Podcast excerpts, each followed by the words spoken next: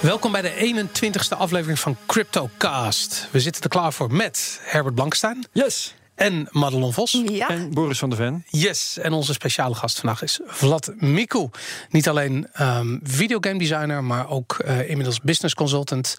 En um, uh, crypto-enthousiasteling en kenner. En voegde al die dingen samen. Dus dat betekent dat we deze keer gaan praten. Onder andere over uh, het gebruik van crypto in videogames. Leuk. Tof. Maar voor het zover is, eerst eventjes uh, onze sponsors. Die wil ik bedanken. Dat is uh, betonic.nl, bitmymoney.com en voor het eerst deze week satos.nl. Nieuwe sponsor die we erbij hebben. Gezellig. We hebben nog een disclaimer. We geven absoluut geen beleggingsadvies. Dat zouden we nooit doen. Beleggen is slecht voor je. Uh, we kunnen het ook niet. Daarom, inderdaad. Goed, um, ik dacht laten we heel eventjes beginnen met uh, een Nederlands evenement feliciteren. Bitcoin Wednesday. Die hebben gisteren en vandaag vieren ze hun vijfde verjaardag. En ik, ik, ik vind het zelf grappig, omdat je denkt, ja, vijfde verjaardag, is dat nou zo'n big deal? Weet je, bedrijven die vijf jaar bestaan, ze zijn nog pril. Maar ik kan me nog herinneren dat ze begonnen. En ik ben op een van de eerste evenementen geweest, was een Pakhuis de Zwijger in de tijd. En het is echt, dat was een ander tijdperk. Het lijkt wel een eeuw geleden. Ik bedoel, Bitcoin was misschien, uh, weet ik het, 60, ja. 70 dollar waard. En het is ook gegaan van een publiek van niks naar. Ja, met tien echt, man in een zaaltje. Ja, 20 man max, ja, absoluut. Ja. En dan Andreas Antonopoulos die daar kwam spreken en dan 20 man in de zaal. Ja, want, want jij bent er nu net geweest en hoeveel man waren daar? Um, nou, ik moet zeggen dat het uh, niet heel erg druk was. Maar ik denk dat het een zaal was waar misschien 100 mensen in kunnen of zo. Okay. En, uh, ik ben gisteren even geweest. Het is gisteren vandaag. Um, wat ik opvallend vond, is dat ik tijdens de sprekers die ik voorbij zag komen. het woord Bitcoin niet één keer gehoord heb. Het was echt. interessant. Welke woorden wel dan? Blockchain, ICO's, oh, ja. uh, de, de, de, de, bekende hypewoorden. Dus ik had zoiets van ja, misschien moeten ze naam omdopen naar Blockchain Wednesday. Maar goed, een beetje flauw. Ja. Is het, uh, weet ik even niet uit mijn hoofd, is het een maandelijks evenement? Uh, ja, ja, iedere woensdag. Ja, ieder, uh, iedere maand. Eerste woensdag van de maand. Als eerste woensdag van de maand. Precies, dat dacht ik. Dat was het ding inderdaad. Ja. En ze, ze, ze roleren de, de plek in Amsterdam waar ze dan zitten. En dat, uh, nou goed, ze hebben, ze hebben door de jaren heen epische sprekers over de vloer gehad.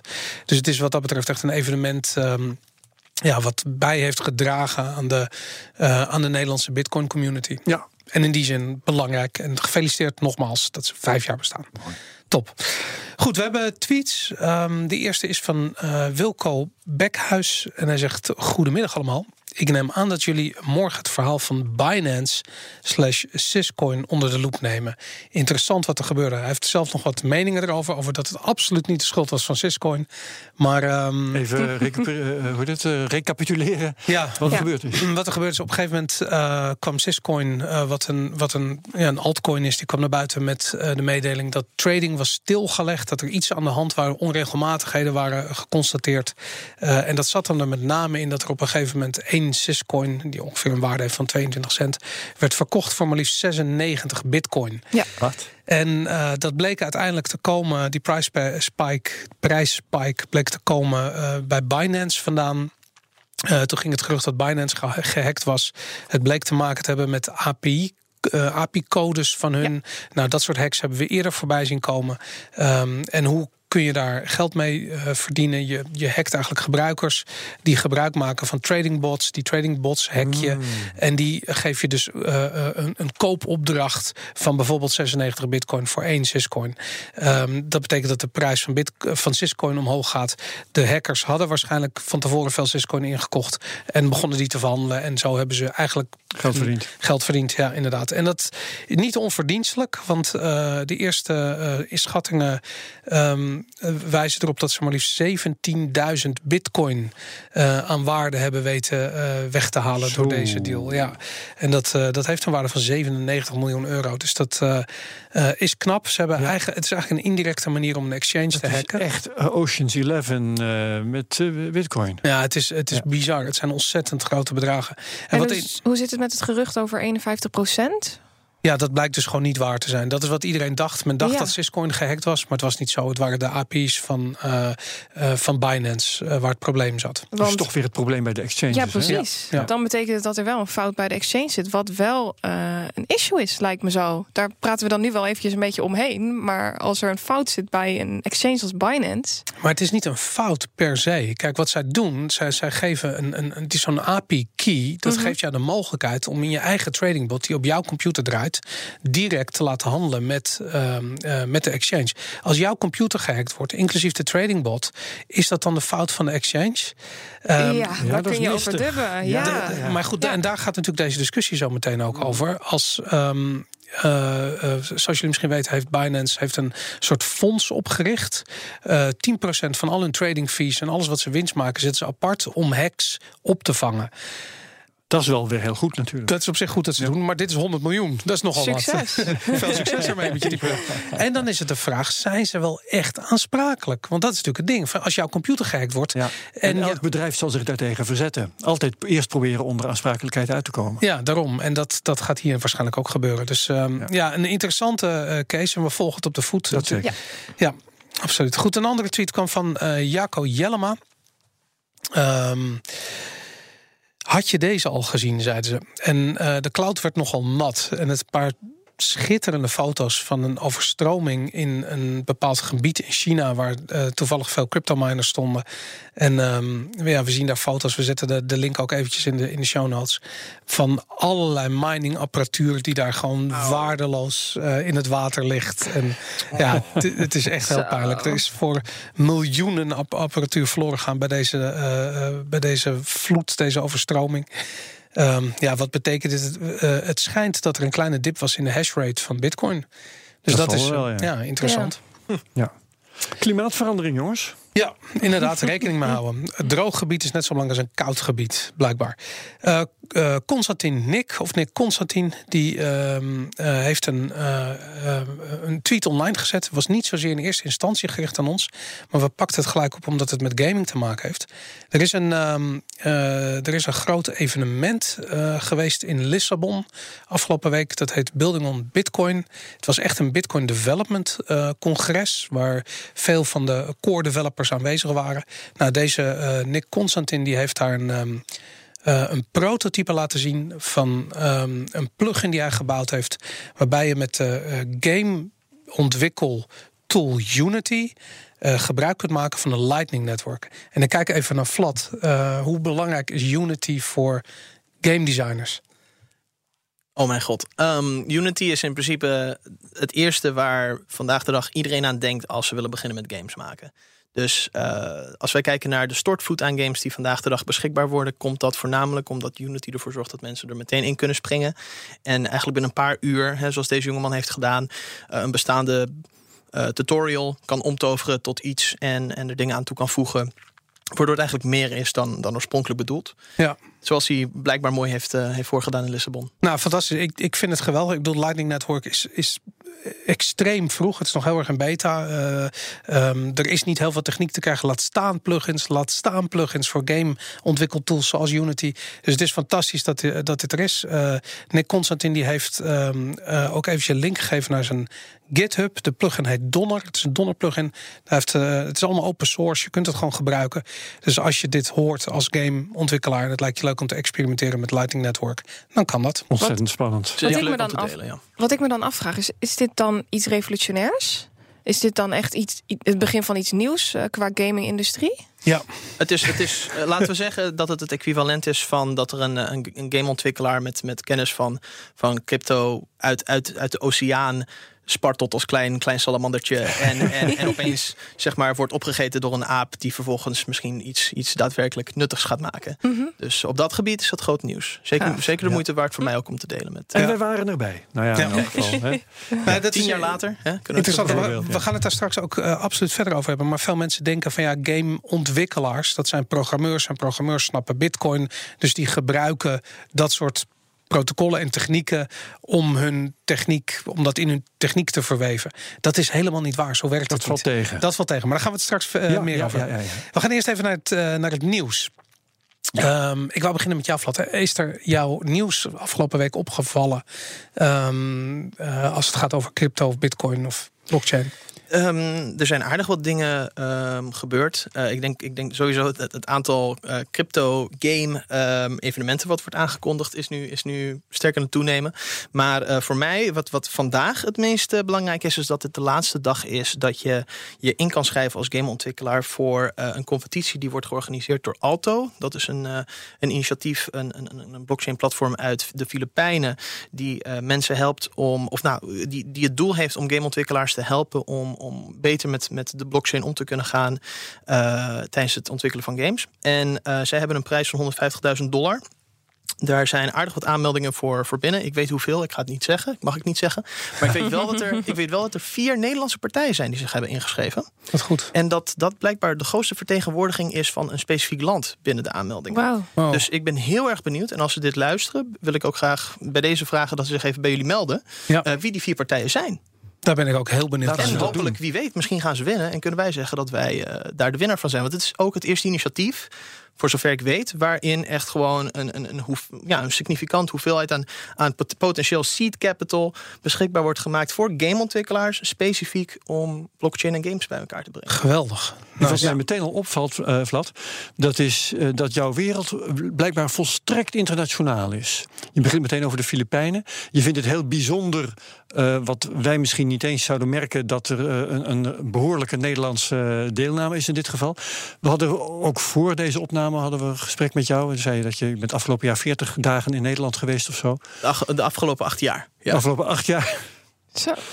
Dus ik leef uit mijn die, die gamingwereld die is totaal globaal. Ja, ik bedoel, uh, de, de, simpele manier om dat uit te leggen is dat, en, en dit is natuurlijk voor meerdere industrieën zo, maar uh, wat ik altijd zeg is, uh, talent is, is internationaal wijdverspreid gedistribueerd, ja. maar niet even goed vertegenwoordigd.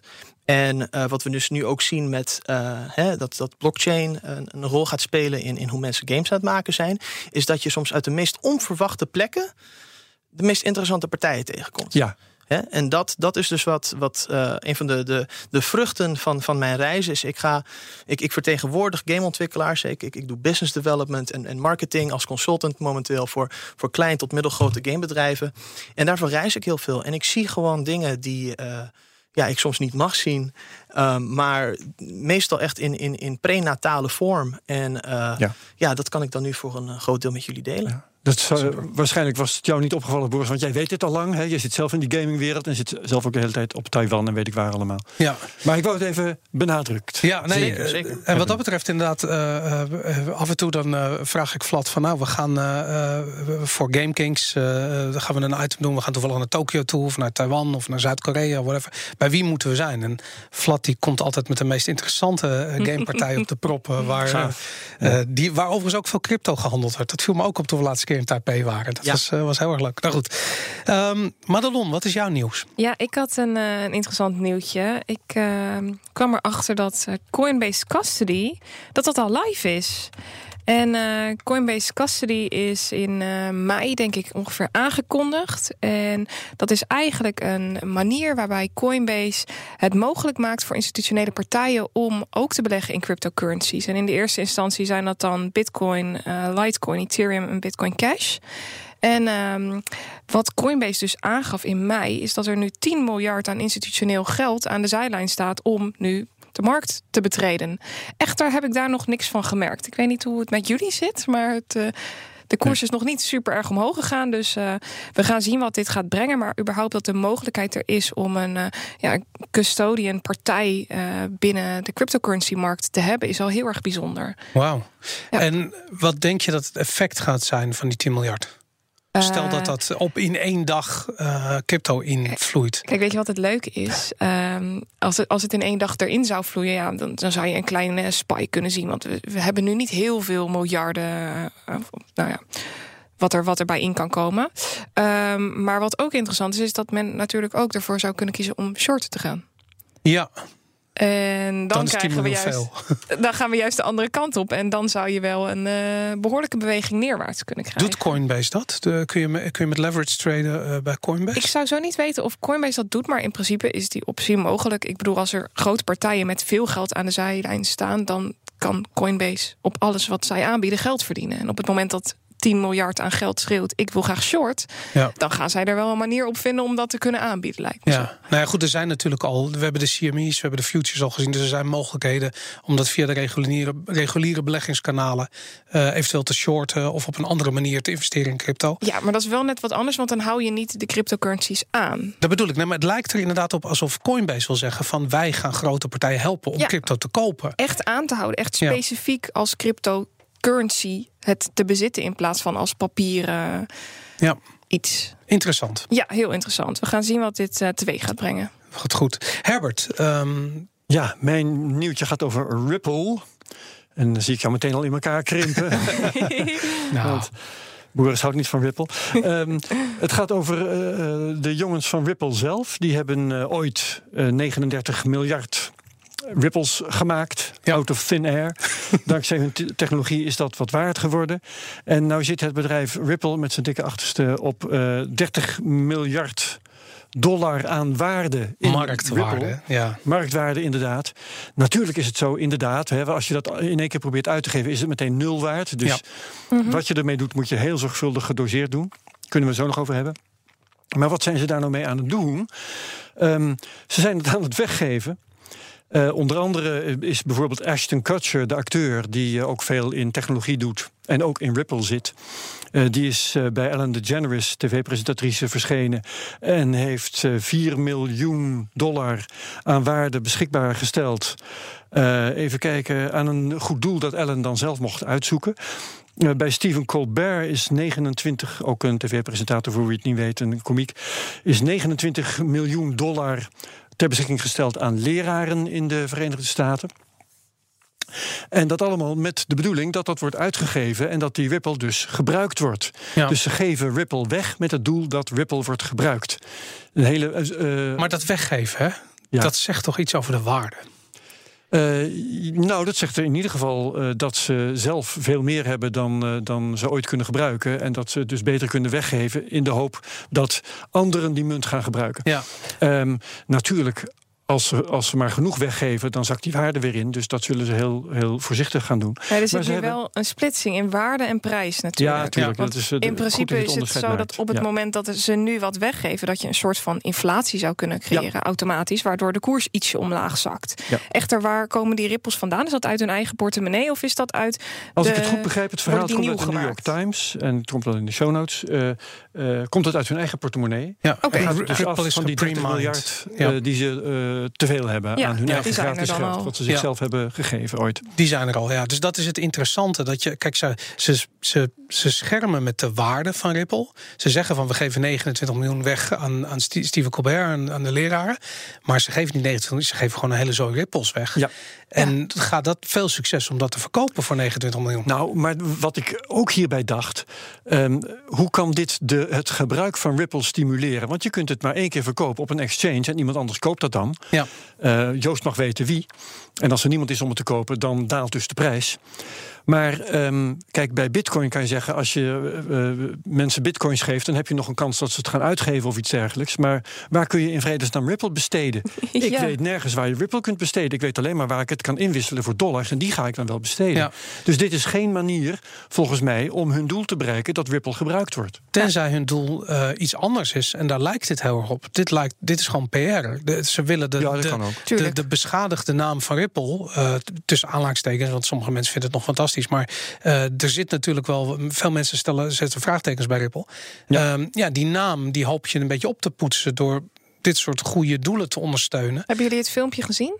Nee, ik heb het niet gezien. Dat was het eerste wat ik dacht. Eh, het, het, het- als je het filmpje bekijkt, je, we moeten hem even in de show notes zetten. Als je het filmpje bekijkt, dan is het eerste wat je denkt: het is één grote PR-stunt oppoetsen. om weer Ripple een beetje op te. En dan heb je het over de video van Aston Kutcher die bij, eh, Bij Ellen, Ellen zit. zit. Ja. You Ja. get a ripple, you get a ripple. Moet meteen aan Oprah Winfrey denken. Maar ook met het idee van, volgens mij weten we niet de helft van het verhaal inderdaad. Volgens mij hebben ze gewoon dat iedereen die, die er ook maar aan deelneemt... waaronder de goede doelen bij Ellen DeGeneres en de leraren... dat die gewoon een dik contract moeten ondertekenen... dat ze voor het komende jaar er niks mee mogen doen... of het niet op de Geen, kunnen, geen, geen twijfel aan, zeker. Ja, ja, ja. Er is ook nog een eh, fonds van 300 miljoen trouwens. En eh, dat is bestemd om eh, bedrijven ehm, Ripple te laten gebruiken voor het doel waar het voor bedoeld is. Namelijk het uh, smeren zeg maar, van uh, internationale geldtransacties. Ja. En dat uh, klinkt wat constructiever, om zo te zeggen. Daar kun je verder ook van denken wat je wil. Maar uh, die 300 miljoen die ligt er ook nog ergens. En dat is ongetwijfeld ook uh, gedoneerd in Ripple. En succes daarmee. En, en als ik daar aanspraak op wil maken, wie moet ik dan bellen? Uh, nou, die Larsen waarschijnlijk. Hè? Dat ja. die Larsen. Dan zeg ik van, ik ga internationale geldtransacties doen. Doe mij die 300 miljoen. Ja, ik, ik stuur het wel internationaal ergens heen. En, uh, ik ga gelijk ja. een tweet naar hem sturen. Fantastisch. Um, ik had ook nog een nieuwtje. En dat is dat het. Um, uh, we, we zijn al een, een, een, week of vier bezig uh, dat Tron, uh, de altcoin Tron, bezig is te veranderen van een ERC20 token, wat gebaseerd is op Ethereum, naar een eigen netwerk, een eigen mainnet. Dus dat is echt een eigen coin aan het vormen zijn en niet langer een token zijn. Met een eigen blockchain en zo. Inderdaad. Nou, dat hele traject dat, um, dat, dat vereist veel testen en veel gedoe. En dat betekent dat veel exchanges de handel in Tron hadden stilgelegd. Of in ieder geval het de mogelijkheid om Tron er vanaf te halen uh, hadden uitgezet. Binance, een van, van die exchanges die dat niet meer deed. Um, dat is nu klaar. En uh, de meeste exchanges beginnen nu weer met. Um, ja, met het activeren van die, uh, van die, van die Tron-transacties. En dat betekent, tenminste, ik zag een analyse dat dat best wel zou kunnen betekenen dat we zo meteen een gigantische spike gaan zien in Tron. En ik wou ook eventjes uh, aan Madelon vragen: van wat, um, wat zie je in de, in de grafiek als je kijkt naar Tron? Ja, het is wel een interessante. Ik heb nu de Tron Bitcoin grafiek voor me. En uh, wat ik nu zie is dat dit echt een, een, een bodem vorming is. We zien dat het volume enorm afgelopen is sinds uh, nou, mei ongeveer. Ja. Uh, en dat het, ja, dat het nu één. Nou, een achtste is van wat het in mei was. Dus dat is wel. Uh... Dat is de reden. Dat, dat is die, die transactie. Dat is eigenlijk de, de, de handel die wordt stilgelegd. Ja, dat zal het waarschijnlijk zijn. Ik zie wel één grote nou ja, celdip nog. Maar aan de andere kant, dit is wel een cruciaal steunlevel. en uh, als ik zo op de RSI kijk, lijkt het me wel een bodemvorming. Ik durf niet ontiegelijk positief te zijn. Dit is de, de Tron Bitcoin grafiek. Pak ik voor de zekerheid de Tron Dollar grafiek er nog eventjes bij. En daar uh, ja, zien we ook wel echt wat steun nu. Ja. Dus dat is, ik zou zeggen, positief. Mooi. Ja. Want, uh, Want je hebt een hoop tron. Je hebt heel veel tron gekocht nou, ik, ik word alweer met dollar Ik heb niet heel veel tron, maar ik zat te denken om dat te gaan doen in onze beleggingswedstrijd. Uh, oh, ja. Ja, en ja. dit, uh, dit daarin te, te gaan verwerken zometeen. Dus dat, ja, we gaan nou, straks... nou breng je mij ook op idee. Maar goed, zullen we ja, nog, daarom, nog dat... één ding wat ik nog wel eventjes wil zeggen. We zitten nog steeds in een downtrend. Daar zijn we nog niet uitgebroken. Maar als ik kijk naar de RSI en als het volume op gaat lopen, dan, dan zou het een Dus als we uit de downtrend breken, zou dat een mooi koopmoment zijn. Nou, dat heb ik wel nodig. Maar goed, daar gaan we het straks over hebben. ja. Um, Madelons prijsanalyse. Ja, even Wat zijn kijken, dat hoor. voor groene uh, dingen die we daar zien bij Bitcoin? Ik ga even uh, van, de, van grafiek wisselen. Ja, ja, vorige week was ik best wel een beetje mm, ik weet niet of het wel goed komt. En uh, nou, die 5800, dat is wel echt cruciaal. En we zitten er nu net iets onder. En nou ja, lichtelijk paniek mag ik niet zeggen. Want ik mocht mijn emoties niet betrekken in wat ik aan het doen ben. Mhm. Uh, maar ik had jullie al verteld, ik ben best wel overgeswitcht naar bitcoin. En ook een beetje naar, naar dollar. Omdat ik ja, niet zo goed in kan schatten wat de markt gaat doen. En één of twee dagen nadat wij de podcast en, uh, hadden opgenomen. Toen uh, hadden we positieve divergentie. Dus dat was een, een zucht van Je zegt het echt alsof er een teken oh, van leven... Ja, het, het alsof komt je zegt toch dat het nog mooie goed. weer is uh, uitgebroken. Als je het gordijn opentrekt, een positieve divergentie. Ja, voor de mensen die niet weten wat het is, zal ik het nog even uitleggen. Ja. Dat betekent dat de bodems op de grafiek omlaag gaan en de bodems op de RSI, de relatieve sterkte-index, omhoog gaan. En op het moment dat dan de koers weer richting het 30-70 kanaal op de RSI gaat, is dat een koopmoment. Dus ik was er als de kippen bij om uh, nou ja, nog wat extra bitcoin in te slaan. En dat heb ik daarna weer uh, rustig verdeeld over wat altcoins. Maar ja, ik moet wel heel eerlijk zeggen, ik had uh, die 5800 als, als laatste niveau. En we zijn daar net iets onder gekomen. Dat was 5786. In dollars, inderdaad. Ja, klopt. Dat was inderdaad in dollars. En ik kan nu niet zeggen of het, of het gevaar helemaal geweken is. Dat vind ik heel erg lastig. Maar we hebben nog wel steeds opwaartse potentie tot een uh, 7200 ongeveer. En op wat voor termijn soort van komt die, die, die die wat is het, een, is het een bullish flag of niet? Of is het een... eh, Eh, dit is een, eh, een descending triangle wat ik nu zie. Dus dat is met een eh, horizontale bodem en een aflopende eh, lijn aan de bovenkant. ja, Ik hoop dat jullie het zo begrijpen. Ja. Eh, en dat is eigenlijk een negatief patroon. Die breekt in 63%, van de, 63 van de gevallen neerwaarts uit. Maar je weet het maar nooit. en we zijn nog niet aan de bovenkant van eh, de toplijn van die driehoek. Dus Nee. we hebben nog potentie om opwaarts te gaan. Hou wel gewoon lekker de RSI in de gaten. En eh, die zit nu mooi in het midden. Die zit rond de 50. Dus dat is eh, geen reden tot paniek. ja, en als we ehm, zouden bouncen op die, die, die, die aflopende lijn, waar zou die dan op bouncen? Als we die aflopende lijn zouden pakken, dan zouden we rond de 8300 dollar zitten. Oh, dus dat is nog wel eventjes. Ja, dat is nog wel eventjes, maar daar hebben we nog wel twee eh, stevige weerstandslijnen tussen zitten. En dat is dan de eerste rond 7200. Ik heb het gevoel dat we dit niet gaan zien voor augustus. Nou, dat denk ik ook niet. Nee, daar Nee. nee. Weet je, oh, niks aan de hand. En dan nog, zal ik eens iets relativerend zeggen? Want ik, ik eh, kijk de laatste tijd heel vaak naar eh, wat is er ook weer gebeurd in 2014. Ja. Dat heb ik vanochtend ook nog eventjes gedaan. En eh, toen viel me op dat eh, in, tweede- eh, in 2014 in de tweede helft van mei... dus zeg maar ongeveer even lang eh, na de crash van toen... als we nu zitten na de cra- crash van nu... toen was er een, eh, een hoos van twee weken... waar in twee weken tijd tussen 20 mei en eh 3 juni of zoiets, 2014... eh, de bitcoin-koers steeg van 440 dollar naar 660. 50% winst. Wow. Iedereen Ja. moet toen gedacht hebben: we zijn eruit. Nu gaat het goed komen. En daarnaast de Bitcoin alsnog gezakt naar 200 dollar. Ja, Klopt. Dus eh, wat er ook gebeurt, don't get your hopes up too high. nee, Ja. inderdaad. Dit, eh, dit kan nog wel even duren. Ehm, nou, vrolijk.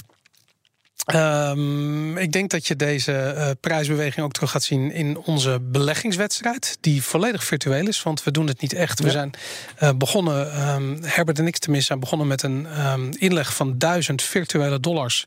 En Madelon is later meegenomen met 500 virtuele dollars. Eh, eigenlijk omdat, hij al zoveel. Volgens mij heeft Madelon toen alsnog voorsprong op, op mijn Herbert. Maar goed, in no time. Anyways, waar staan we, Herbert? Waar, wat is er overgebleven van jouw eh 1000 dollar? Nou, in ieder geval meer dan vorige week, want toen stond ik op 446. En intussen is het 527 dollar en 40 cent. Gefeliciteerd. En even kijken hoor, eh, wat zijn mijn eh, beste en slechtste performers? Ehm, het best is het bij mij gegaan met de Nano, zie ik. In de afgelopen 24 uur dan, hè? die is 12% gestegen. Nee, de Ether, pardon. De Ether. En waarom dat 24 uur? Vind ik eigenlijk een beetje gek. Hoe kan dat nou? Want eh, Coin eh, Market Cap zegt iets heel anders. Die zegt 3% in de 3 plus. Dus, Ja, eh, er ik is niet één even- vast punt in die 24 uur. Hè? Dus, oh nee, het is natuurlijk precies 24 uur geleden wat ze doen. Ja, ik moet even nakijken Ja. wat Blockfolio dan eigenlijk eh, mij voorschoten. Maar in ieder geval, daar staat dat de ether 13% is gestegen. Ik weet niet eh, ten opzichte van, van wanneer dan. Met, op de hielen gezeten door Nano met 12,62% en de Silica met 12,22%. En ik heb eigenlijk geen rode vlaggen op dit moment. Maar goed, ja, eh, er eh, valt nog veel in te halen. Ja, het ziet er goed uit. Madelon? Eh, ja, ik sta nu op, eh, ik pak hem even erbij, 578 dollar en 77 cent. Dat is een eh, procent van eh, nou, bijna 16 in de plus. Ten opzichte van toen ik begon. Dus dat is eigenlijk hartstikke positief. Ik Je heb, staat eh, stijf bovenaan. Ik bedoel, het is echt ongelooflijk. Nou, nog niet eens zo erg als ik vreesde. Het, Nee, het is niet fantastisch, maar het is, het is prima. Ik had jullie verteld vorige week dat ik eh eventjes wat terugging naar bitcoin... en ook weer nou ja, toch wat naar, naar dollars had verplaatst. Ik zit nu nog voor eh, 230 eh, dollar in dollars.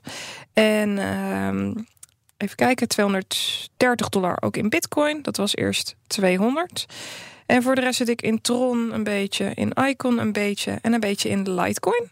Dus het is nu nog redelijk eh, stabiel. En ik probeer af en toe wat, eh, wat kansjes mee te pakken. Volgens mij heb ik Cardano ook nog eventjes meegepakt. Maar daar zit ik nu niet meer in. En eh, ja, op basis van die positieve divergentie. Dus op Bitcoin kwam de positieve divergentie eerst. En daarna ben ik gaan kijken hoe kan ik wat ik in, naar Bitcoin heb verplaatst, hoe kan ik dat weer verspreiden over de altcoins. En vaak is het zo dat de altcoins net een tikkeltje later, dat kan een uur of vier later zijn, dat kan ook een dag later zijn, dat die dan reageren. En dan eh, switch ik leuk naar, eh, naar Ja. wat alts. Ik Heb- moet het ook leren. Hebben jullie, als je dat soort beslissingen maakt, dan eh, een bepaalde voorkeur voor alts? Of laat ik zo zeggen, heb je een bepaalde afkeur van alts en dat je die dan maar gewoon buiten, buiten beschouwing laat? Afkeur heb ik wel. En waar komt dat door? Eh, Ripple, die doe ik niet. Ja? En eh, Bitcoin Cash ook niet. Oké, Mm. Dat is puur eh, voorkeur. En ik hoef ook niet mee te spelen op die prijsbeweging. Puur omdat ik niet geïnteresseerd ben in die cryptocurrency. ja. Of in die. Ja.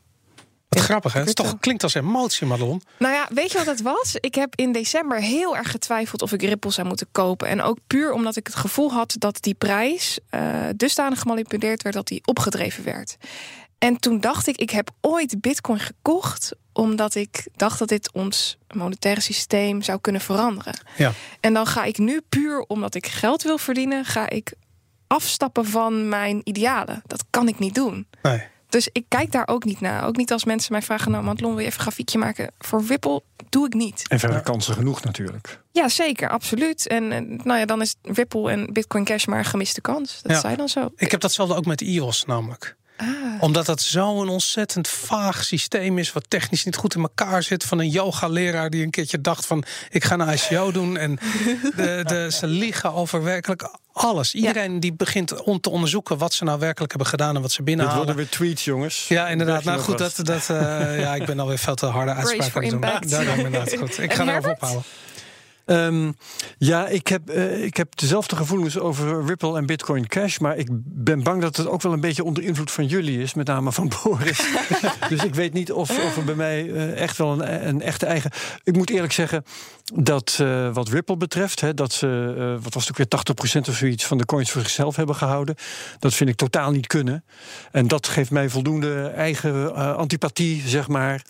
Dat ik daar weinig meer mee te maken wil hebben. Ik heb ze wel eens gehad, maar ik heb ze weer verkocht. Ja, En eh, wat betreft Bitcoin Cash ben ik ietsje neutraler, omdat ik vind dat ze ook wel bepaalde technische voordelen te bieden hebben.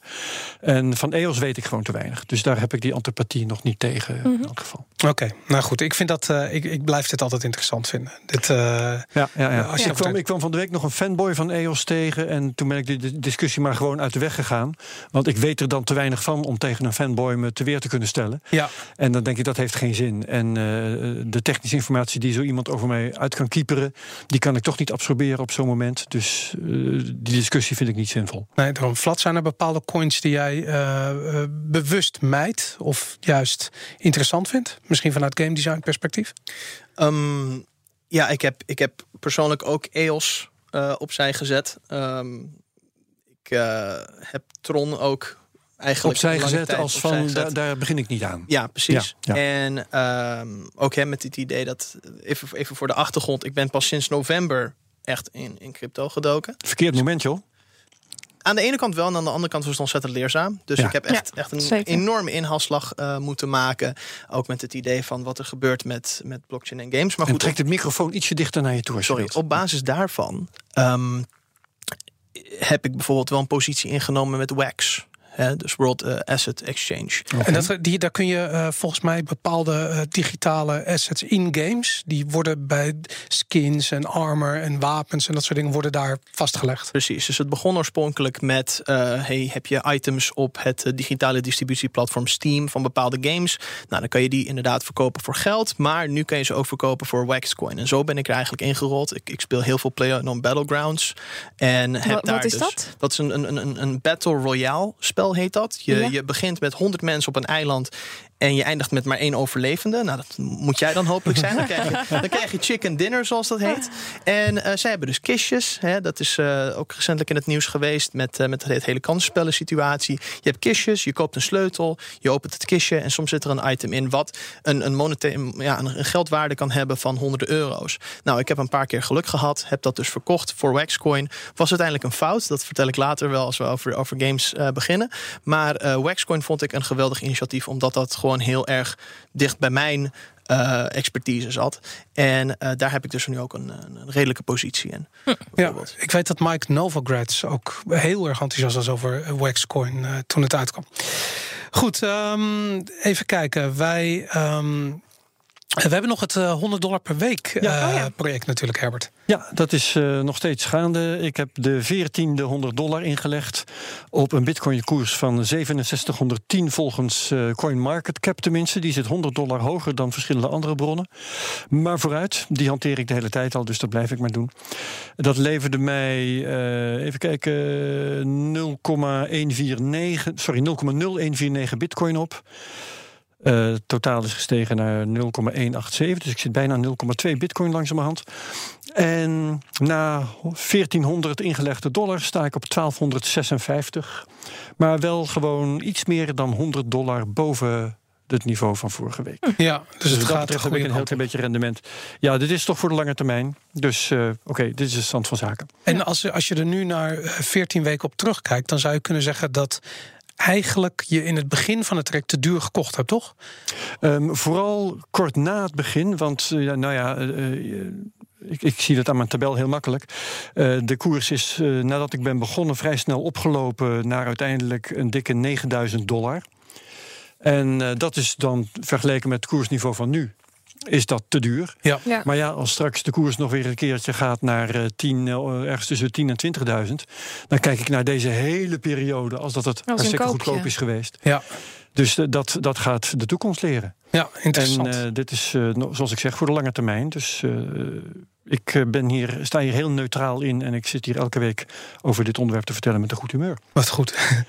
Wat wel leuk is, Ja. Is om nog eventjes naar McAfee te kijken. Ja. Ik heb hem er net bij gepakt. Ja, het, eh, want we hebben vorige week eigenlijk iets gemist wat we hadden kunnen zeggen. En dat zeg ik dan nu nog maar eventjes. Eh, vorige week ehm, liep zijn voorspelling.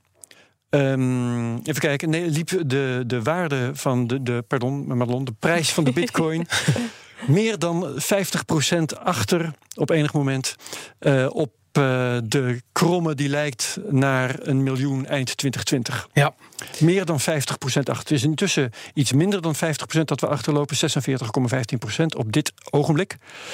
Eh, maar nog altijd een respectabele achterstand... die nog wel even zal duren voor we die goed maken. Ja, en daarnaast heeft hij ook volgens mij een voorspelling gedaan nog over dat de prijs van Ja. Bitcoin eh, 12.500 euro zou zijn eind juni. We zouden al die voorspellingen een beetje bijhouden. Ja. Charlie Schramm voorspelde dat eh, in mei voor het laatst... een bitcoin onder de 10.000 zouden zien. Ja, Oké, dat that's is allemaal- history. Ja, McAfee voorspelde in juni zou het 12.500 worden. Nee, jongens. Dus als je dit soort voorspellingen een beetje bijhoudt, dan merk je dat al die gasten, ja, die voorspellen eh, wat ze hopen misschien, of ze voorspellen eh, met het oog op eh, de markt een beetje oppeppen. Maar er komt niks van terecht. ik denk dat het vooral dat laatste is. Ja. Proberen een beetje positiviteit in die markt te krijgen, zodat die een beetje op gang komt en mensen beginnen te kopen. Ja, dat zou kunnen. Het is wel zo dat die 12.500 ongeveer afgeleid is van zijn eh, voorspelling op 2020 als je die curve volgt. Ja, Dus dan eh, heeft hij gewoon eh, dat, Ja. dat cijfertje gepakt. Maar goed, en, dan eh, is het toch ook de, de markt eh, helpen om zijn piemel te behouden. Ja. Ja. Die op dit moment mee Ja. bezig is volgens mij. die wordt gebakken wat- zometeen eh, met Ik heb het, geserveerd. Ehm, toen zijn voorspelling, eh, de, de bitcoin volgens zijn voorspelling rond de 10.000 had moeten staan, heb ik het al gezegd. Hè? Eh, die kromme die gaat met een half procent per dag omhoog. Ja. Een half procent per dag. Ja. En aangezien die nu zou moeten staan op 12.312, is dat op dit moment meer dan 60 dollar per dag Ja. dat die voorspelling stijgt. En dat, eh, ja, dat gaat verschrikkelijk hard. En dat valt niet mee om het bij te houden. Zeker als de waarde van de bitcoin, pardon, de prijs op dit moment eh, meer in de buurt van de 7000 staat. Weet je dat ik toch mijn geld op eh McAfee zou zetten? Ja, Omdat ik denk, als het een keer gebeurt, hè, als hij gewoon gaat, dan gaat het ook zo krankzinnig. Kijk, we zitten nu echt in een, in een, in een hele hardnekkige correctieperiode. En- Madelon minzaam glimlachen. Nou ja, kijk, dat, dat bouwt gewoon ontzettend veel energie op. Zometeen voor een uitbraak die best wel eens Ja. heel violent zou kunnen zijn. Ja, daar kan ik me wel in vinden. Als je kijkt naar eh, 2011, 2013, 14. eh, iedere keer zie je weer dezelfde cycle. En denk je weer, nou, van 100 naar 1000, dat is wel een hele grote stap. Van 1000 naar 10.000 of zelfs 20.000, dat gebeurt nooit. Maar ondertussen gebeurt het wel. En hoe groot is dan die stap nog van 10.000 naar 100.000? Ja. Nou ja, die 100.000 eh, die is niet zo heel moeilijk te halen, denk ik. Eh, als ik kijk, want eh, dat heb ik vorige week ook gezegd, hè, ik breng die pieken en dalen nog wel eens in kaart.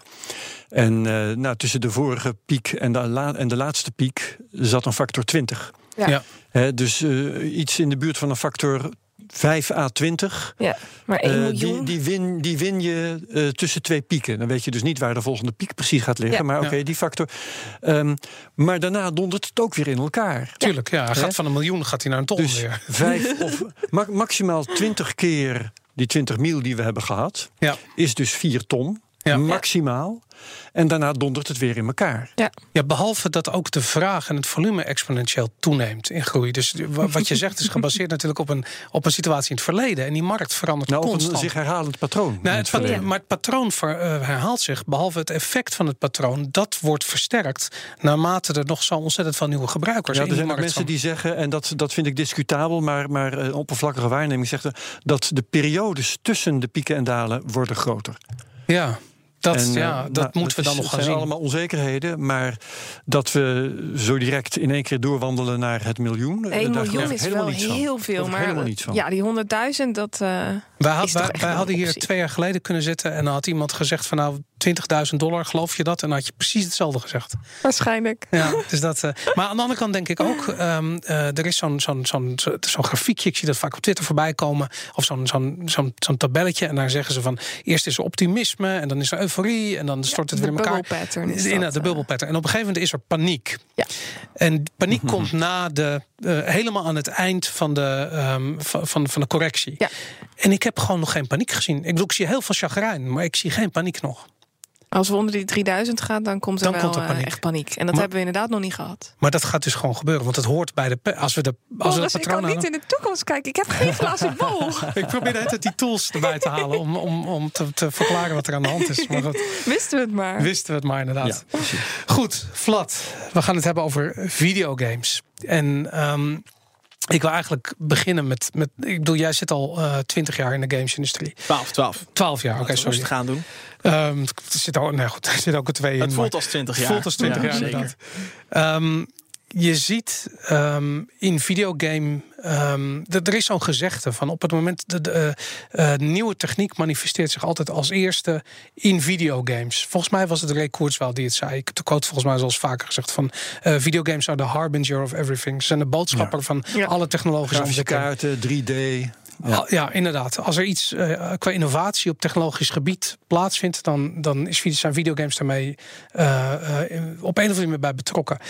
Hoe zie je dat met crypto? Ik denk dat we er heel erg laat bij zijn. En eh, ik ben daar het levende voorbeeld van. Ik heb voor het eerst in 2013 echt eh, een confrontatie gehad met, eh, met Bitcoin. Ben toen ook aangeraden om, om erin in te kijken.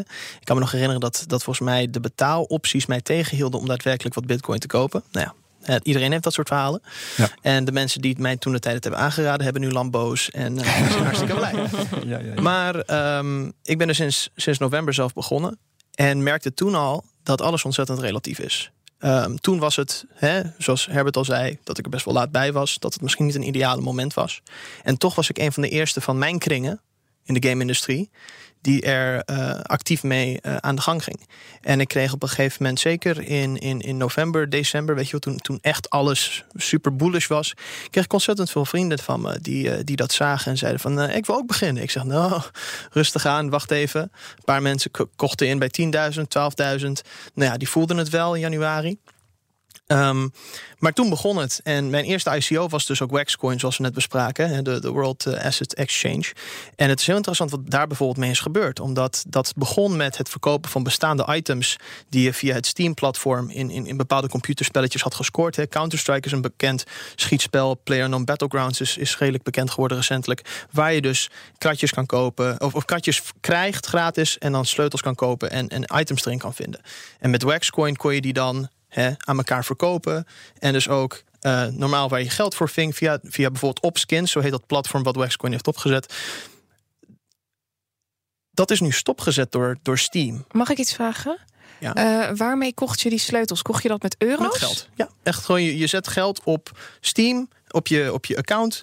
En daarmee kan je dan die sleutels kopen. Steam is een distributieplatform voor videogames. Precies, een distribu- het, het distributieplatform, want Mhm. ze hebben een redelijke Ja. monopolie. En ehm, ik had dus inderdaad meegedaan aan de ICO. En ik had wat items die ik vervolgens had verkocht eh, voor dollars en voor Waxcoin. En Mhm. zodoende had ik dus inderdaad voorwerpen van honderden euro's... die vervolgens ik kon omzetten in Waxcoin. Nou, dat deed ik toen Wax 1 dollar was. En een week later was het 18 dollar cent. Dus ik was de waarde van mijn items redelijk verloren. Maar hè, leermoment. Um, Dat is het voor mij in principe geweest sinds november. Leren, leren, leren. En dan proberen de, de, de, de gouden korrels van, van, van de kennis uh, te, te, delen met mijn uh, gameontwikkelvrienden. En je vertelt dit ook zonder enige spijt of ergernis, zo te horen. Nou ja, ik bedoel, iedereen werd toch geadviseerd om als je in crypto, in crypto stapt, om ervan uit te gaan dat, dat je het geld dat je erin stopt kwijt kunt raken. Ja. En dus voor mij was dat ook gewoon uh, een soort opleiding. Hè? Ik, ik, ik heb zelf een, een, een significante positie in, in, in bepaalde coins, maar ik heb dat altijd gezien als bijna een soort cursus. Mm Weet je wel, je, je koopt een cursus marketing bij de LOE voor 1000 euro.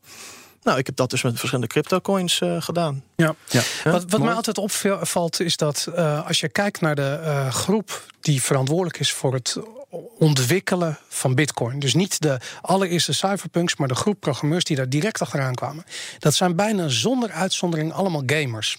En die hebben er ook wel eens over gepraat en die zeggen altijd van ja, gamers snappen dat uh, snappen al heel snel wat de waarde is van een digitale asset. Omdat ze gewend zijn om bijvoorbeeld 100 uur of 500 uur in een game te steken om vervolgens dat bijzondere zwaard te vinden. En dan snappen ze dat dat, dat waarde heeft. Ja, maar de, de eerste echt functionerende digitale munten heb ik niet over crypto, maar digitale munten, die zaten toch ook in games? Die zaten ja, in dat is uh, Second virtueel. Life en in uh, Dat zijn virtuele munten. Dat, er zit een verschil in virtuele munten crypto, en digitale Ja. munten. Mhm. Maar de stap, de, de, de conceptuele stap van een virtuele munt naar een cryptomunt is natuurlijk heel klein. Want de Linden dollar had wel gewoon een wisselkoers met de gewone dollar. Dat klopt, ja. En dat was dan weer een digitale munt. De- de- ja, dat was een, eh, eh, ja, inderdaad, was een digitale munt. Ja. Want dat is wel interessant. Door de komst van cryptocurrency is het verschil tussen digitaal en virtueel zo nauw. Dat gaat zo nauw samen. Ja, maar hoe, hoe zou jij dat verschil onder woorden brengen dan? Want ik snap het niet goed. Nou, Dave Birch die heeft daar een hele mooie, mooie uitspraak over gedaan. Die zei ook in World of Warcraft, daar gebruiken wij virtueel geld. Als we kijken naar euro's, eh, dollars, bitcoin die online staan, dan is het digitaal. Maar nu is de, is de lijn tussen virtueel en digitaal, dat is heel lastig om dat vast te pakken. Als Maar de waarde principe- echt is, dan is het toch, maakt het, is, vervaagt toch het verschil tussen virtueel en digitaal? Op het moment dat je die tokens alleen in de virtuele wereld kan uitgeven of kan gebruiken, dan blijft het dus virtueel. Maar op het moment ja. dat je ze ook in ons huidige economisch systeem zou kunnen uitgeven, Ja. dan is het Een winkel digitaal. accepteert geen Linden dollar Precies. of eh, Warcraft Gold. Behalve in het spel. Er zit ik klik Helemaal- en eh, Vlad. Helemaal precies. Ik, Ja. ehm, ik heb zelf dus eh, eh, mijn opleiding, eh, mijn voormalige opleiding, universitaire opleiding was communicatie en informatiewetenschap aan de Universiteit Utrecht. Mhm. En het, op het moment dat ik erachter kwam dat ik over games kon schrijven, schreef ik dus over deze onderwerpen. Dat was in de tijd van hè, Diablo 2. Ik weet niet of mensen dat zich nog herinneren die meeluisteren. Hè, ik kan me nog perfect herinneren. Jordan's Ring. Dat was een ring waarmee je één level extra skill kon krijgen. Die dingen werden verkocht op eBay voor, voor duizenden dollars. Ja. En, en dat is niet via Blizzard gegaan. Er zijn heel veel onderzoeken geweest, heel veel papers, heel veel rechtszaken die ik toen een tijd onderuit haalde. Waarin eh, de, de, de partijen vochten, hè, de, de eigenaren van de games, in dit geval Blizzard en, en Activision en, en die partijen, vochten omdat ze geen graantje meepikten in, in al die transacties. Tot op de dag worden er accounts in virtuele games verkocht. Die door mensen dan heel snel, hè, die goed zijn in het spel, heel snel worden opgebouwd. We hebben het over World of Warcraft, nou, gold en dat soort dingen, hè, door, door, door Chinese gold farmers. En wat jij, dus, wat jij dus zegt, inderdaad, dit is de kans voor gameontwikkelaars om inderdaad die handel te stimuleren, het te omarmen. En er ook inderdaad een graantje in mee te Ja. pikken. En dit zien we eigenlijk al gebeuren, tweedelig, in een positieve manier, voordat crypto echt een gesprekonderwerp werd. Door bijvoorbeeld games die hè, via het distributieplatform Steam, waar we het over hebben, ehm, het, het, het toestaan voor mensen om mods te maken, om, om, om, om kunst, eh, ja, eh, voorwerpen te creëren en die dan te verkopen, waar dan wel vervolgens het Steam-platform 30% of soms 85% van meepakt. En dat is nu aan het evolueren. Dit is nu naar de blockchain aan het gaan met heel veel nieuwe kansen. Ja, want de vraag van Boris was: eh, hebben dit soort dingen de gaming community rijp gemaakt voor crypto? Ja en nee. Zoals ik al zei, aan de ene kant zijn de kansen, worden nu de kansen eindelijk verkend door, door een handvol partijen. En er zijn heel veel partijen die momenteel gewoon stil zijn. Maar het heeft heel lang geduurd. Ik, ik, vind- ik vind daar zelf, ik vind dat zo onnuchterend. Ik bedoel, ik ben zelf al, al, al een, een kwart eeuw bezig in die gamesindustrie. En ik dacht van hier zitten programmeurs en hier zitten mensen met visie en hier zitten mensen die snappen hoe platformontwikkeling werkt en, en conceptuele gedachten over, over communicatie en hoe, hoe, hoe- hoe, hoe financiële communicatie ook communicatie is. Waarom, waarom gebeurt dat niet? ik, ik, ik, ik, ik, wil, ik wilde heel graag zeggen, maar ik, ik, ik zal me even inhouden. Ehm, Doe vooral niet. ik, ik, ik ga hier geen vrienden mee maken, maar ik heb gewoon het idee dat heel veel gameontwikkelaars eh, te diep in hun eigen eh, loopgraven eh, aan het zitten zijn. Dat ze zo erg Ja. momenteel aan het worstelen zijn met de bestaande uitdagingen om een game uit te brengen in een ecosysteem waarin het steeds makkelijker wordt om games te maken, waardoor je dus steeds meer concurrentie krijgt, waardoor je dus nu op het Steam-platform iets van 150 games hebt die uitkomen per dag, waar je dus mee moet concurreren voor aandacht. En op de App Store, wa- wat is het getal wat er va- vandaag de dag qua apps uitkomt per dag, Boris? bizar. Duizenden. Ja, duizenden. Duizenden. Dus, dus, dus een Maar van is de het dan dingen. niet gewoon zo dat de eh, makers van games crypto niet nodig hebben om succesvolle games te maken? kip-ei-situatie. Hoe weten wij nu of, of, of crypto juist ervoor gaat zorgen dat een game super populair is? Ja. En kunnen Ja. wij crypto-kitties daadwerkelijk gebruiken, nog steeds na een jaar? Het eh, enige bijna? werkende voorbeeld. Ja, inderdaad. precies. Kunnen we dat nog steeds gebruiken als een, als een, als een bruikbaar argument? En ik, ben, ik Ja. ben het daar niet mee eens. Mede omdat een van de discussiepunten onder de mensen die wel degelijk bezig zijn met crypto in de game-industrie is, dat CryptoKitties gaat gewoon alleen maar over transacties. Dat is geen spel. Hè? Dus, eh, Maar wat, dat, dat vind ik interessant. Waarom is dat geen spel? Waarom zijn transacties geen spel? Ik bedoel, een spel is toch een verhaal wat je vertelt. Het is een ervaring die je deelt. Waarom kun- kan er niet een financiële component aan zitten? Dat klopt helemaal, Boris. Het gaat om, om wat jouw persoonlijke definitie van een spel is. Wat, wat, wat was jouw definitie van een game? En ik kan je vertellen dat heel veel creatievelingen in de game-industrie CryptoKitties geen spel vindt. Op, naar, naar eigen zeggen, naar- Ja. op basis van hun mening. Weet je, als jij, als jij drie jaar lang zwoegt aan een spel met, met 75.000 verschillende woorden die je ook nog eens een keer meerdere talen wil vertalen, met een verhaal, met personages, met, met prachtige art. En je Ja. ziet CryptoKitties miljoenen maken terwijl jij vijf, vijf kopieën verkoopt op Steam. als, als, Dat als de wordt- Nederlandse bank die zegt dat bitcoin geen geld is. Ik heb dat meerdere malen gehoord van gameontwikkelaars. Maar En, ik ben eh, het helemaal met je. Ik realiseer me dat nu pas. Want ik, ik, heb, ik spreek veel eh, gameontwikkelaars. En dan vraag ik ze: waarom is het niet mogelijk om gewoon in jouw game, op het moment dat je een kill maakt, om een kleine financiële eh, transactie eraan vast te koppelen? Gewoon omdat het daarmee mijn gevoel van beloning vergroot. Ik bedoel, die dopamine rush die je krijgt op het moment dat je heel even beter bent dan iemand anders, die wordt ja, omgezet of eigenlijk versterkt door die financiële eh, prikkel. Ehm, maar ik, ik loop inderdaad tegen het, dezelfde muur aan die jij nu beschrijft. Dat is, er wordt gewoon op neergekeken alsof, het, alsof die, die, die financiële component hun creatieve idee afzwakt of zo. Ja, ja, nee, helemaal mee eens. Dus waar we nu naar kijken in het, in het landschap van games. Zijn een paar verschillende dingen. Aan de ene kant heb ik eh, bijvoorbeeld net Alto genoemd.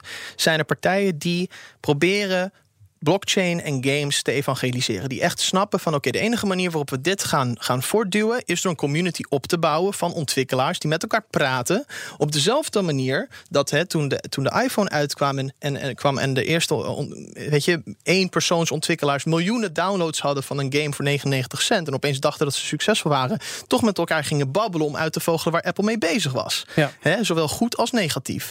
Ehm, en dat proberen zij dus nu letterlijk van grond af op te bouwen. Want we zijn er gewoon echt heel laat bij.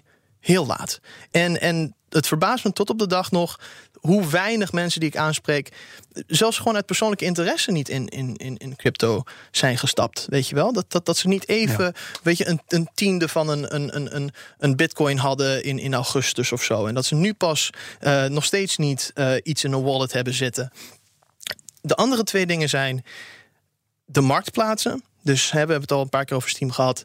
Er, zijn, er is nu een beweging, er is nu eigenlijk een, een explosie aan, aan, aan initiatieven die proberen de monopolie die Steam heeft als distributieplatform aan te gaan met blockchain in gedachten. Om een paar voorbeelden te noemen: eh, Abyss, Ehm, eh, Robot Cash, daar ben ik zelf ook ambassadeur voor om, om, om indies een beetje hè, te, te, te Wat is overtuigen. Robocash? Robot Cash is, is in principe een, een, een alternatief voor Steam. Het is een marktplaats voor spellen. Maar ehm, wat je doet is je kan eh, ook tokens verdienen door te minen. En je kan de games die je koopt, dan wel via fiat, dan wel met de tokens zelf, kun je doorverkopen. Wat een nieuw concept is voor digitale spellen. We hadden het over virtueel en digitaal. Ja. Eh, als jij vandaag de dag een spel koopt op Steam, dan kun je er niks mee. Als Steam erachter komt dat jij je account verkoopt, dan sluiten ze het. Dat mag niet volgens de End-User License Agreement. Hè? Volgens dat ding waar de meeste mensen op doorklikken wanneer ze een account aanmaken. Toevallig heb ik daar een master, eh, mijn master's thesis over gedaan in 2010. En ik voel me zo opgelucht omdat alles wat ik toen een tijd voorspelde... en deels door mijn docenten werd, werd aangesproken als... waarom doe je dit, dit, dit, dit, dit is helemaal niet belangrijk... komt nu allemaal uit. Ja, het is wel Met belangrijk. deze discussie. Hey, wat en- is, is het ons eigendom wat wij nu kopen op zo'n platform? Nee. Want we kunnen er niks mee. Er zijn mensen die duizenden euro's hebben aan spellen op hun Steam-platform, op hun, op hun Steam-account. Ze kunnen het niet doorverkopen, ze kunnen er niks mee. Mocht je 1 dollar kunnen vangen per stuk, heb je misschien nog 100 euro. Ja, hey, even naar de eh, als gamer, hè, waar, waar ik heel erg tegenaan loop. Als ik bijvoorbeeld een game als Eve Online speel, en dat is een, een ruimtegame waarbij je, waarbij je eigenlijk zelf eh, letterlijk moet minen. Je gaat met je ruimteschip naar een asteroïde en die moet je minen. Dan krijg je eh, currency voor of, of minerals die je verkoopt. Nou goed, enzovoort. Zo verdien je geld in die game.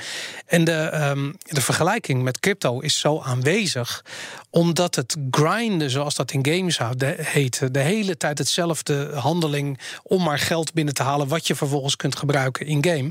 Dat lijkt zo erg op wat er in crypto gebeurt, dat ik zoiets had van: hey, ik zou me voor kunnen stellen dat op het moment dat eh, ik als gamer eh, eh, 100 of misschien wel 300 uur steek in een, in een RPG, ehm, eh, een, een Elder Scrolls of weet ik veel, dat soort hele diepgaande RPG's. En de, de de, eh, de objecten die ik verzamel in die game, die kan ik vervolgens niet kwijt. Die kan ik niet verkopen aan andere gamers bijvoorbeeld. Op het moment, omdat die platform natuurlijk, of eigenlijk die gamewereld is allemaal volledig gesloten. Op het moment dat er één partij is die dit door elkaar schopt, die, dit, die, die een soort van disruptief model op loslaat, dan is, ik bedoel, de wereld ligt eh, aan de voeten van het project. Want op dat ogenblik gaat geen enkele gamer meer 100 of, of 100 plus uur steken in een game als er niet daadwerkelijk wat te verdienen valt. In echt geld. Niet in virtueel geld, maar in digitaal geld. Ja, En voor dat uh, Vlad antwoord, RPG roleplaying game. Ja, dat, dat weet zijn misschien niet iedereen. Diepe verhalende game waar je je personage uitbouwt, wat Ja, altijd Final veel geld kost. Fantasy, eh, ja. Ja. wat zijn nog meer voorbeelden? Fallout, hè, voor, voor, voor, voor de, misschien de wat klassiekere gamers onder ons. Ehm, ja, dat is dus de volgende stap. En eh, nogmaals, ook ik geef geen financieel advies eh, op dit gebied. Maar ehm, de, de, de ontwikkeling zoals ik het nu zie, is dat de platformen, de distributieplatformen, het voortouw aan het nemen zijn. We hebben er zelfs hier eentje in Nederland. Daar moet ik even een, een, shout-out voor maken. eh eh, Entitle Oké, ik dacht dat je Ehm, Chimera bedoelde, omdat dat ook... Chimera hebben we het ook inderdaad over gehad. Nou, ik Ja. heb dankzij jou ontdekt dat er ook inderdaad Nederlanders eh, bij betrokken zijn. En Title die zit hier een paar, paar straten vanaf van waar we nu hier zitten. En zij proberen inderdaad ook een marktplaats op te zetten. Hè, tokenized, eh minen. eh, maar voornamelijk voor media. Dus hè, tekst, audio, video en games. Ehm, hartstikke leuk. Hoe meer van dit soort initiatieven, hoe beter. Zeker als we er eentje in ons achtertuin hebben. Maar Robot Cash, we hebben ook Ultra uit China. Ook al zeggen ze dat ze eh, eh, ingeschreven zijn in, in, in Estland. eh, voor, voor de zekere belasting, belastingredenen. En eh, ik denk dat het daarmee zal beginnen. Ik denk dat eh, heel veel gameontwikkelaars gaan denken van... oké, misschien, hè, zeker nu... Wat belangrijk is om te noteren is... Steam neemt 70 of, of, of, of geeft de ontwikkelaar 70% van een spel. Dus ik koop een spel voor 20 euro... en de ontwikkelaar krijgt enkel 70%. Steam neemt 30%. Dat is tot, tot een paar jaar geleden is dat heel normaal. Dat was het industriestandaard. Maar sinds de laatste paar jaar, ook door hè, hoe spellen worden gepresenteerd, wanneer ze gelanceerd worden op Steam, hè, featuring, noem men dat, wanneer ze lekker op de voorpagina staan, je ervan uit kan gaan dat je veel verkoopt die eerste dag, dat is allemaal veranderd. Dus mensen zijn zich echt in de laatste twee jaar echt gaan afvragen, waarom geef ik 30%? En dit is een van de marketing ploys geweest voor deze platformen. Robot Cash zegt, wij nemen maar 5%, jij krijgt 95%. En jij krijgt een percentage voor elke keer als een game tweedehands verkocht wordt. Wat dus ook nieuw is voor mensen. Want normaal deed je dat met je fysieke kopies bij hè, de GameStop of de Game Mania hier in, in de Benelux. Of op de Vrijmarkt op Koninginnedag. Precies, op Koninginnedag kocht ik ze altijd voor 50 cent. Van, Ja. van, van kinderen die niet het besef hadden van geld.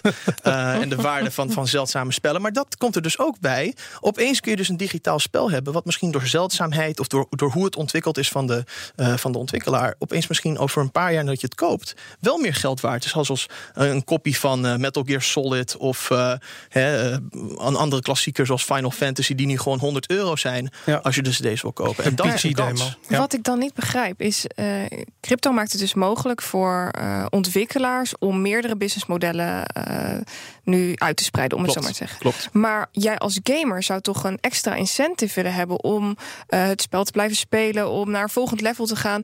Word jij dan ook nog weer daarvoor beloond? Als jij dan een spel hebt waar dan ook de eh, developer, of hoe noem je dat? Eh, het. het eh, hoe heet dat? Een bedrijf wat erachter. Ja, een developer, Ja, ja, ja. ja. Een developer. Eh, ja. Eh, als die ook extra wordt beloond, zou jij als, als speler van het spel toch ook extra beloond moeten worden? Dit, dit is de toekomst. Dus zoals ik al zei, we beginnen nu met de platformen waardoor gameontwikkelaars een nieuw bron van inkomsten gaan krijgen door hun spellen te verkopen voor, voor, voor tokens Ja. en voor fiat. Ehm, hopelijk zal daarmee de discoverability, zoals we dat noemen, eh, groter worden. Dus dat ze ook meer aandacht krijgen van de consumenten in een redelijk verzaagde markt. En ehm, hopelijk zal dat dan ook de eerste stap zijn voor heel veel van die ontwikkelaars om zich wat meer in te lezen. Om daadwerkelijk die eerste games te maken die net een stap of twee verder gaan dan CryptoKitties. En daadwerkelijk eh, ook waarde toevoegen aan de voorwerpen waar Boris het over heeft. Dus een van de heilige gralen momenteel onder de, de, de, de blockchain game developers, laat ik ze noemen. De, de, de jongens die net zoals jullie en ik en iedereen die meeluistert, eh, verkocht is over het potentieel van blockchain en crypto die zijn dus, die hopen dat we op een punt komen waarin je inderdaad hè, in een spel begint met niks. Je hebt een zwaard. Dat zwaard dat draag je mee voor de eerste tien levels van je karakter. En opeens heeft dat zwaard een verhaal. En, en, en, en door de smart contracts die er gebruikt worden, zal de volgende eigenaar zien: ah, dit zwaard was van Vlad. Of van Boris. Maar Boris neemt het over. Boris gaat daar vervolgens zijn eerste tien levels mee spelen. En opeens is dat zwaard sterker geworden Wow, dat- is het die- opeens waardevoller geworden. En opeens heeft dat zwaard een Ja. persoonlijkheid. Misschien was dat zwaard wel eigendom van Justin Bieber voor vijf, voor vijf Het levels. zwaard van koning Arthur, de allereerste. Ja, Ja, ja. En- en- legendarische. En het eh, heeft een verhaal. En je kan kijken waar dat zwaard is geweest. Wat voor wezens dat zwaard heeft, heeft vermoord. eh, waar dat zwaard tegen verloren heeft. En opeens begin je te beseffen wat er allemaal mogelijk is. Maar ook de meeste gameontwikkelaars zijn nog niet zo ver. Dus dit Oh, wordt allemaal nu verkondigd. Digitale dingen met een Heel geschiedenis. vet. Geniaal. Ja. toch? Ja, dat is natuurlijk hoor. wat is blockchain is. Ja, wow. Hey, maar ehm, kijk, het kost jaren om een game te maken. Hè? En ik bedoel, we hebben het niet over kleine indie games, maar we hebben het over de grotere gameprojecten. Neem bijvoorbeeld ehm, ja, de studio van The Witcher, eh, de, eh, de CD Projekt. CD Projekt, eh, dat is een Poolse ontwikkelaar. Daar werken honderden mensen. Ehm, eh, die zijn nu bezig met een nieuw project. Daar zijn ze vijf jaar mee bezig geweest. Cyberpunk, heet die. Cyberpunk? Cyberpunk. Ehm, en die, ehm, eh, als ze vijf jaar bezig zijn met zo'n project, betekent dat, dat dan dat we echt dit soort voorbeelden, als wat jij nu geeft, digitale objecten met een geschiedenis, dat we dat in games pas over vijf jaar gaan terugzien? Ik, we kunnen ze nu al terugzien, maar op een hele rudimentaire basis. Dus eh, wat belangrijk is om te noteren, is dat ehm, de hoop is dat dit voor elk soort game kan bestaan. Maar de momenteel is, zeg maar, de eerste stap naar CryptoKitties zijn momenteel de, de trading card battle games. Weet je wel? De Hearthstones met, met crypto en Ja. blockchain. Ehm, en dat, is nog, ja, redelijk, dat zijn nog redelijk simpele spellen die je er ook nou ja, binnen een half jaar uit kan jassen. Zeker als je ontwikkelaars hebt die al inderdaad een jaartje of twee bezig zijn in blockchain en, en weten waar ze mee bezig zijn. Dus het is interessant. Hè? Dus jij zei al, de de meeste crypto mensen die, die al vroeg bezig zijn met het bouwen van hè, currencies en, en, en, en, en, blockchain platformen, zijn gamers. Maar de gameontwikkelaars zijn niet bekend met crypto. Dus wat je krijgt is dat er nu hele ja, rudimentaire spellen als crypto kitties uitkomen. En dus dat er op een gegeven moment volgens mij die twee, die twee groepen ja, een beetje moeten meten. Het, maar, een beetje voelt moeten ongemakkelijk mengen. uit. Ja. Ja. Ja, en, Ja. en bij elkaar moeten komen. En Dus dat, die kip-en-ei kwestie die je noemde. ja, ja, Ja. En, en die moeten dus bij elkaar komen. Die moeten een beetje met elkaar daten, een beetje met elkaar flirten.